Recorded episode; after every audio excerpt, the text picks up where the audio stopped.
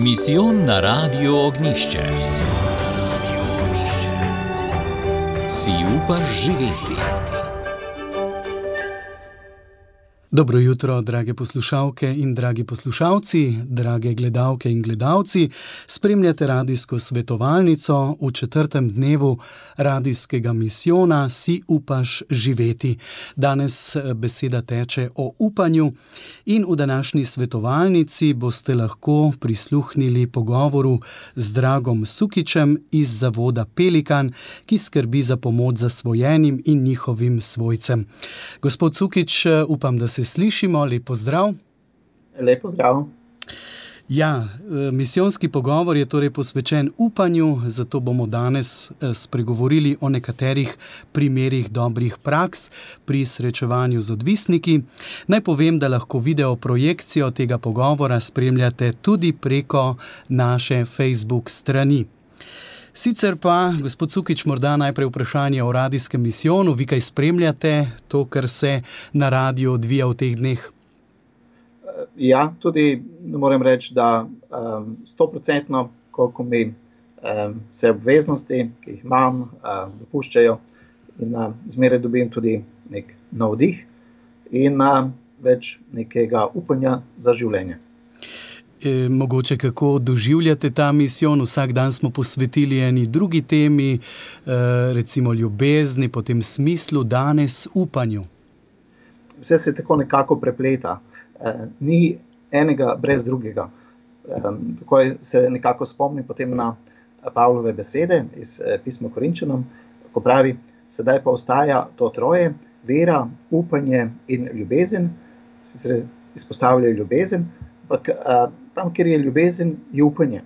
Če ni ljubezni, če se ne čutimo ljubljene, potem je zelo malo upanja. In tam, kjer je te več ljubezni, se čutimo ljubljene, potem seveda se tudi rojeva upanje. In to se mi zdi eh, tako lepo izbrane, te teme, ki se tako med sabo prepletajo, dopolnjujejo in dajo neko potem eh, celoto. No, eh, če govoriva o upanju, eh, polje vašega delovanja je tako, da se ukvarjate z zasvojenimi. Tam upanje je, vendar pa veliko krat vidimo stvari, ki niso tako polne upanja, ki so bolj temne. Kako vi prepoznavate, recimo, znamenja upanja v našem času, pa tudi pri vašem delu?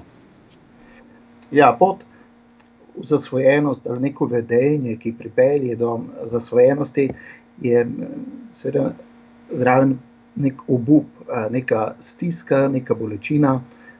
Človek se je znašel na neki točki, ko ni videl dovolj upanja, ko je morda bil sam ali ni bil slišen, se je začel nekako srečevati z nekimi težavami, za katere je smatral, da so pretežke, da jih ne bo zmogel. Ali vse tako je, kako človek imel občutek v neki taki situaciji, in se potem človek v tistem nekem, neki nemoči ali obupu ali na robu obupa.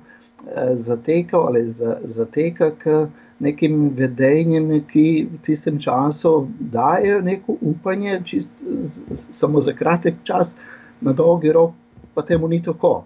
In um, to je ta pot, ki pelje v odvisnost, uh, potem zraven tudi lahko še težave na področju duševnega zdravja, kot je to primer v naši terapevtski skupnosti, ko so uporabniki, ki imajo te pridružene težave, lahko so bile že prej težave na področju duševnega zdravja, recimo joznost, uh, neka psih, uh, psihoza ali kombinacija različnih težav, in si potem posameznik v taki situaciji, v taki doživljanju stiske, bolečine, ko tako, se mu zameglil tisti pogled upanja, od težave na, na nepravi način.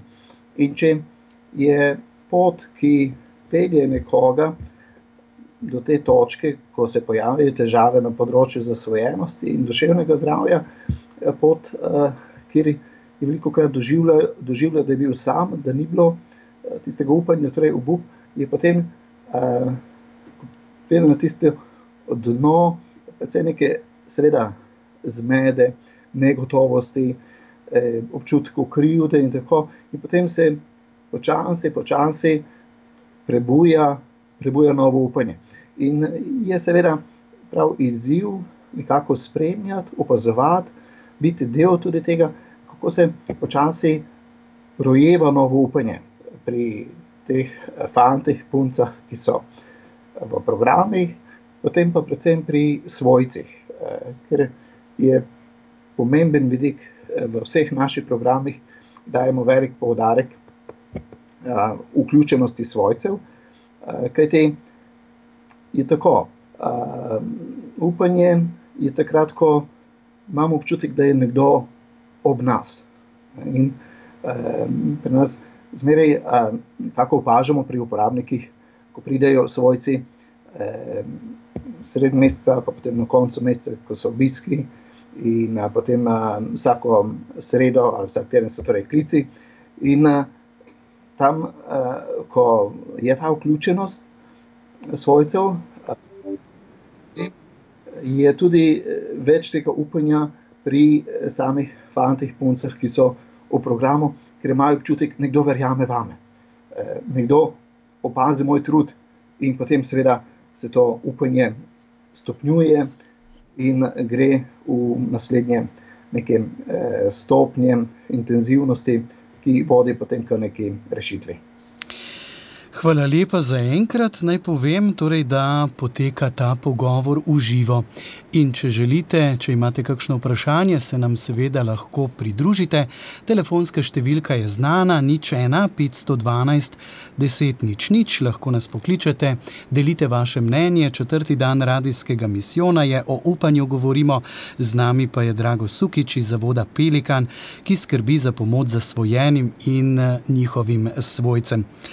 Gospod eh, Drago, kaj ljudi lahko zapelje v omamo? To je recimo naslednje vprašanje, iz katerega bova potem eh, zopet razvila tematiko povezano z upanjem.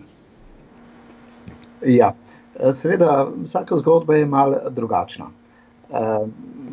V praksi, v delu z uporabniki, z družinami, ki se znajdejo v teh težavah, pa seveda opažamo, da je bilo več eh, dejavnikov, neki eh, napačni vzorci reševanja težav, lahko že premalo tiste neke povezanosti, eh, da se ni slišalo drug drugega v družini, potem torej neki te dejavniki posameznika, kdo je bolj opremljen v življenju za spopadanje z izzivi, rečemo, Eh, tisto odpornost uh, mu je bila nekomu dala, bila dana močnejša, nekomu nekako šipkejša. In potem uh, seveda spet dejavniki družine, kako se družina spoprijema z težavami. Namreč ljudje se učimo vseh teh vzorcev vedenj v družini. In veliko krat se ti vzorci prenašajo.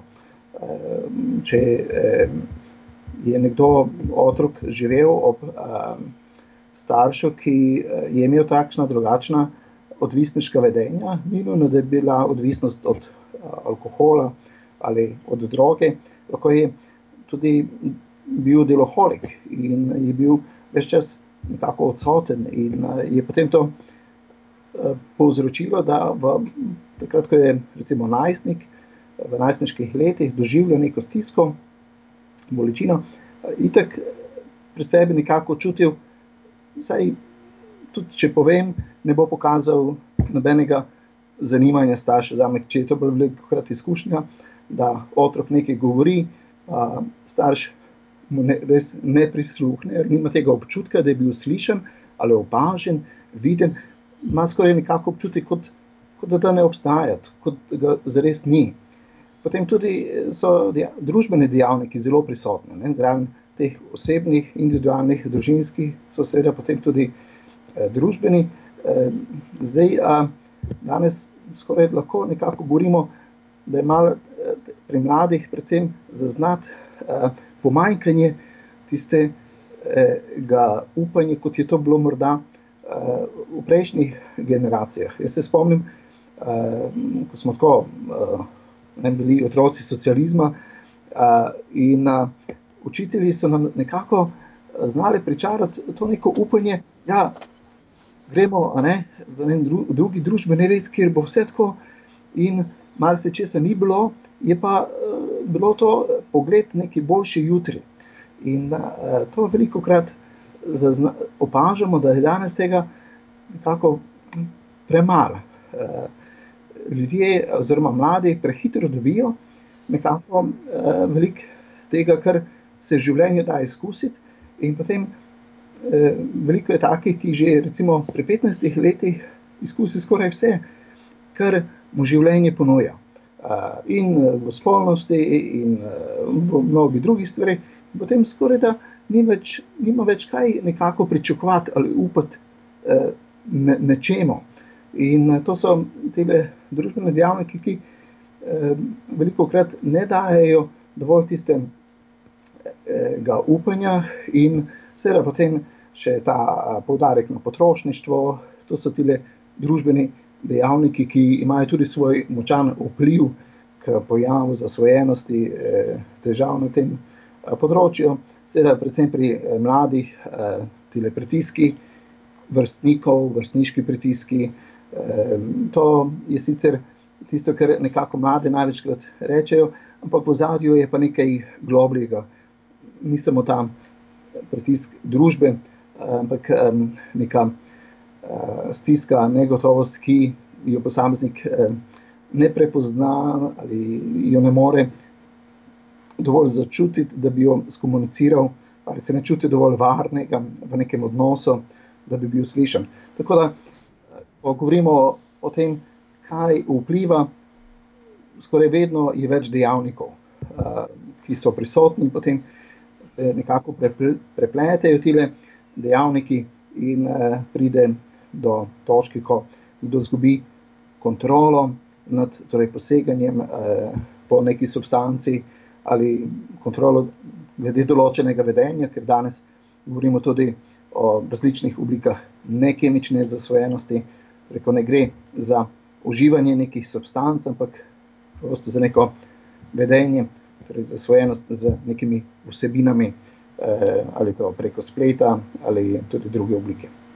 Gospod Drago, vi ste človek iz terena, nam lahko morda opišete, kako poteka vaše delo, in tukaj najdemo morda kakšen, kakšen tak eh, svetel primer dobre prakse, eh, ko se je recimo zasvojenost prepoznala, potem znotraj vašega eh, centra Zavoda Pelikan da rečem, obdelala, pozdravila, ozdravila, vem, eh, prišla do te mere, da je danes primer, eh, ki ga ni več, eh, ki je lahko drugim tudi vzgled. Ja. Zdaj, v naš program seveda se vključujejo prostovoljno, noben ni prisiljen. Tudi ni nobenega mehanizma, da bi recimo ali psihiater ali osebni zdravnik ali katerakoli ustanova eh, nekoga prisilila mimo njegove volje, da se vključi v program zdravljenja, rehabilitacije. Največkrat je tako, da nas skoraj da kontaktirajo svojci ali so to starši, bratje, sestre teh posameznikov, ki rabijo pomoč. In na to je veliko krat res toliko stiske zaznati pri svojcih, ker so eh, bili tako toliko časa nekako nemočni in eh, iskali rešitve na en način, na drug način. Eh, svojci so običajno tako, da dolgo časa si morda zatiskajo oči. Vsi, ki imamo otroke, eh, vemo, da to ni enostavno sprejeti eh, ali si priznati, ko pride do te točke, da je eh, neka težava, ki je povezana z zasvojenostjo. Tako da, ko imamo že te informativne razgovore, pridejo starši z svojim sinom, hčerko ali pripelje brat svojega ne, brata in tako naprej, je že tam zaznati neko olajšanje, vidijo svojci, da je neka pot, ki bo lahko pomenila rešitev za uh, tega našega fanta, uh, punco. In uh, potem um, to je bočano enkrat, dvakrat, uh, seveda, veliko krat je tudi zaznati kakšne odpore, uh, neka tista uh, zanikanje, ker je seveda zelo znan ali zelo pogost uh, pojav pri zasvojenosti. Tudi so primeri, da nekdo vstopi v program, pa potem za nekaj časa zapusti, ker ni, ni prisiljen, nimamo moči nekoga seveda zadržati, pa se vrne čez potem morda kakšno leto ali pol leta za neko drugačno motivacijo in večjo pripravljenost, da rešuje svoje težave. Tako da predvsem so svojci ta zelo pomemben dejavnik. Zdaj imamo, kot sem že omenil, skupine za svojce, in predvsem tam pri svojcih je zaznati veliko tega, te bolečine, stiske, občutek krivde, neke nemoči. In recimo pred kratkim, ko je končal, zaključil, um, uporabnik pri nas rečemo, um, ki so vključeni, so uporabniki programa. In uh, se je zaposlil, potem tudi začel študij obdelo. Eh, na svojci so še zmeraj, še zmeraj prihajajo na skupino za svojce, čeprav je torej, eh, njihov sin zaključil program, in to je potem uh, ostalim svojcem pomeni uh, točno neko upanje, in vliva v upanje, ker se zmeraj sprašujejo, joj, kako pa bo ko bo zaključil program, ko pač ne bo več tako navaren, kot je v programu. In je veliko teh strahov pri svojcih, eh, kako ali ne bo spet tako, kot je bilo prej, ali se ne bo spet vse vrnilo spet nazaj. In ko uh, slišijo izkušnje drugih, uh, jim to daje res tako močno upanje, da uh, slišijo od drugih, isto iz. Uh, te uh, izkušenj, uh, da uh, je moč in da je možno, in da so uh, zgodbe te, ki dajo upanje, ko se premagam za svojenost, ko se premagajo težave na področju duševnega zdravja. In uh, tako da uh, potem, ko pa imajo svojci to upanje, uh, zelo to vpliva potem seveda tudi na samega uh, tega njihovega uh, otroka, ki se spopada s temi težavami. Tako da je spet ta, to prepleteno. Na eni strani se začne, rodi upanje in potem prenaša potem tudi na to drugo stran. Gospod Drago, kaj pa ta čas, čas bolezni, čas zaprtosti, osame, tudi duhovne suše?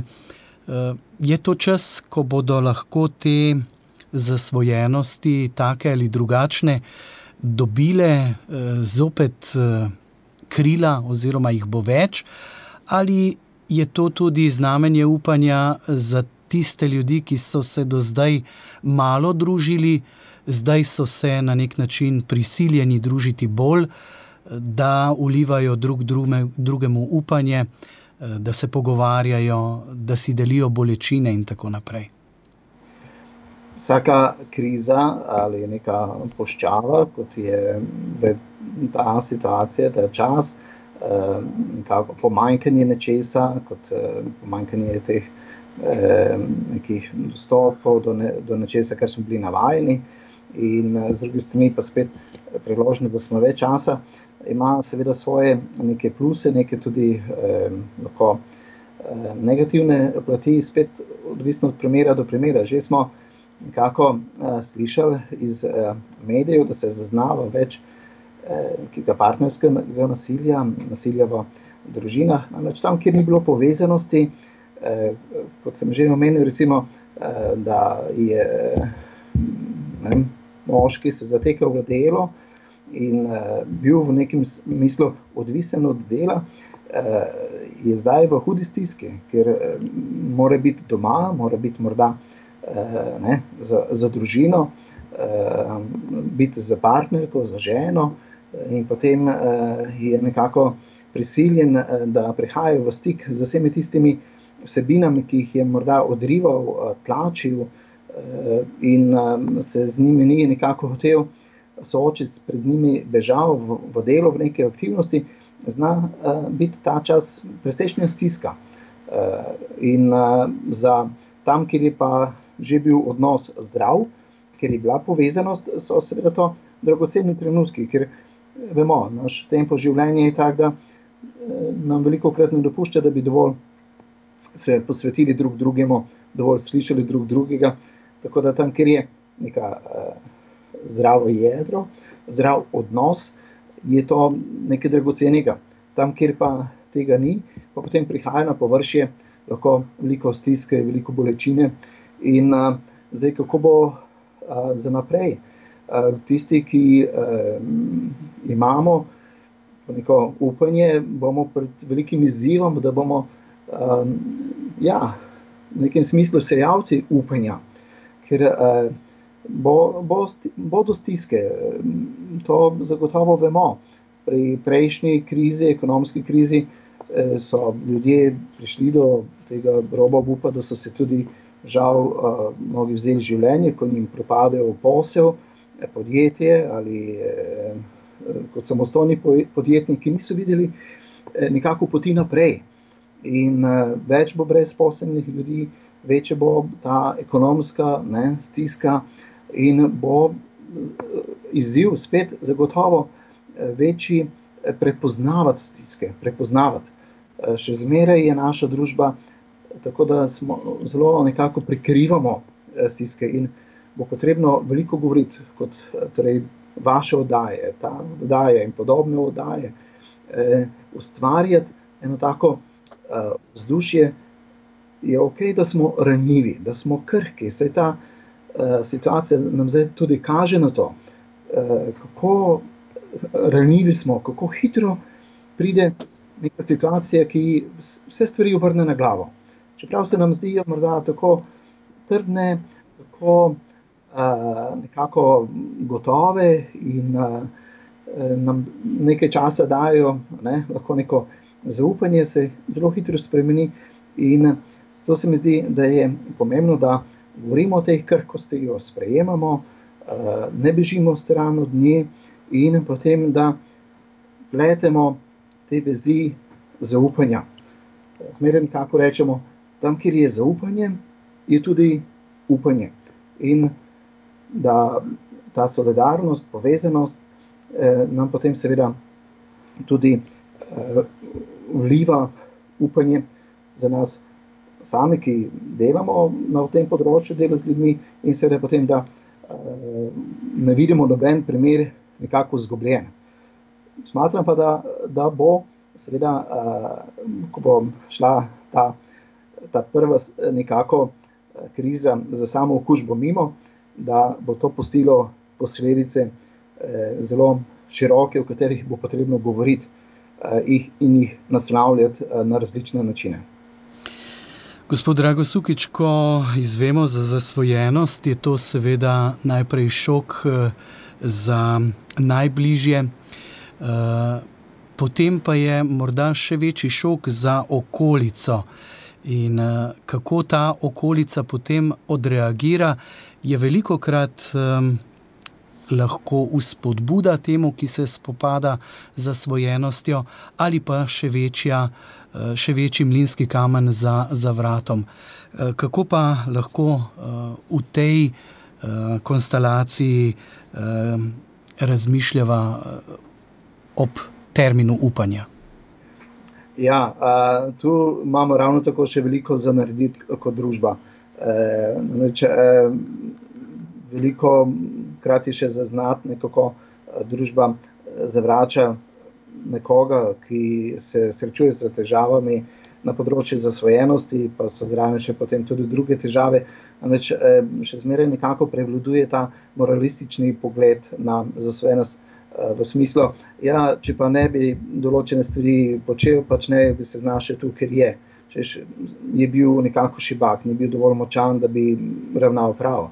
In te naše fantje, dekleta, ko zaključujejo program in se vračajo nazaj v uh, realno življenje, uh, seveda potem se zelo nekako spopadajo z tem, ali povedati uh, o tem, kje so bili, s čim so se uh, nekako spopadali. In mi jih zelo spodbujamo temu, da uh, seveda ne govorijo za vse naokrog, ampak v tistem uh, najožjem krogu, takrat, ko pride priložnost, da povedo. Eh, in eh, so iskreni. In eh, vsakršna izkušnja, ko se vračajo kot bivši uporabniki spet nam in delijo te izkušnje, se zmeraj znova pokaže, kako pomembno je, da vsak posameznik si ta odnos do svoje zasvojenosti, da, da ga čim bolj sprejme in tudi razreši tiste neke torej občutke krivde in potem družbo tudi lažje sprejme.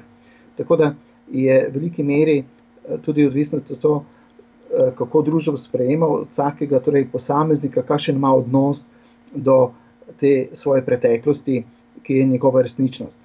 Tisti, ki jo je res sprejel in v veliki meri predelal, sicer je ta, to je nek življenjski proces, nikoli ne moremo reči, da je nekdo dokončno predelal, eh, ampak je vsaj začel eh, to nekako sprejemati in integrirati v svoje življenje pri tistih, ki so to sprejeli, potem družba tudi veliko lažje sprejme in to pozdravlja, daje neko potrditev, priznanje.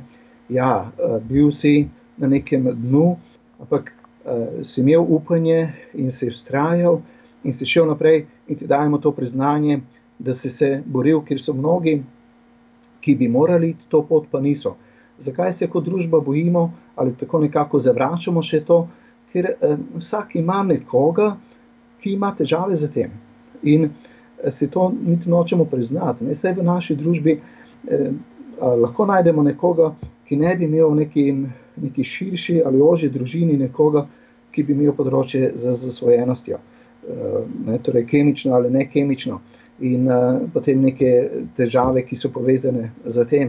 In ker je to tako, uh, se nas nekako dotika, ali nam je tako blizu, z druge strani, seveda bi pričakovali, da bi bili do tega nekako bolj razumevajoči, ampak to je ta nek prvi odziv, eh, da zavračamo potem nekoga, ki ima težave z tem.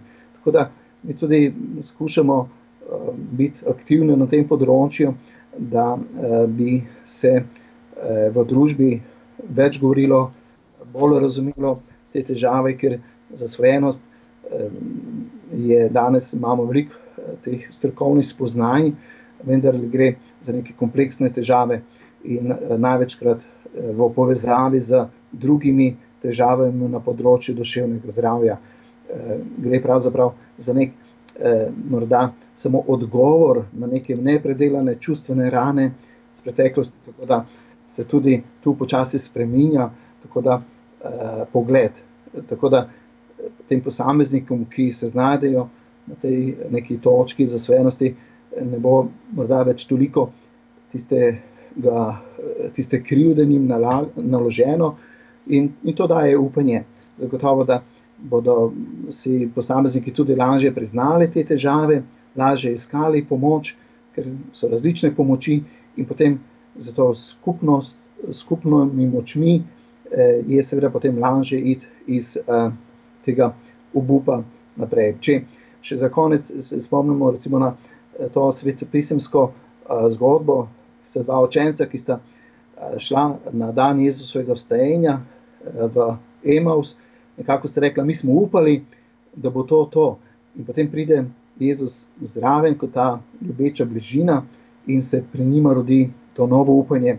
In tako razumemo, da smo tudi delavci v Karitasu, v Pelikanu, kot tisti, ki pridemo kot neka ljubeča bližina in da se rojeva novo upanje. Hvala lepa, gospod Dragosukič. To je bil najlepši možen način za zaključek najnega pogovora, ki sva ga oblikovala ob četrtem dnevu radijskega misijona o upanju. Se mi zdi, da poleg tiste misli, da moramo tudi delavci v medijih pripravljati več takih vsebin, ljudi soočati z upanjem v življenju, čeprav nam včasih življenje izgleda bolj temno kot svetlo, da s tem seveda pripomoremo, da bi bil naš svet lahko lepši in boljši. Za danes pa hvala lepa, vse dobro pri vašem delu še naprej. In seveda, če ste rekli, da spremljate naš radijski misijon, vam želim, da tako tudi nadaljujete. Lep pozdrav in srečno. Srečno tudi vam.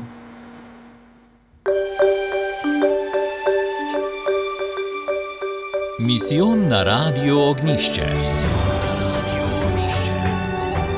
Si upaš živeti?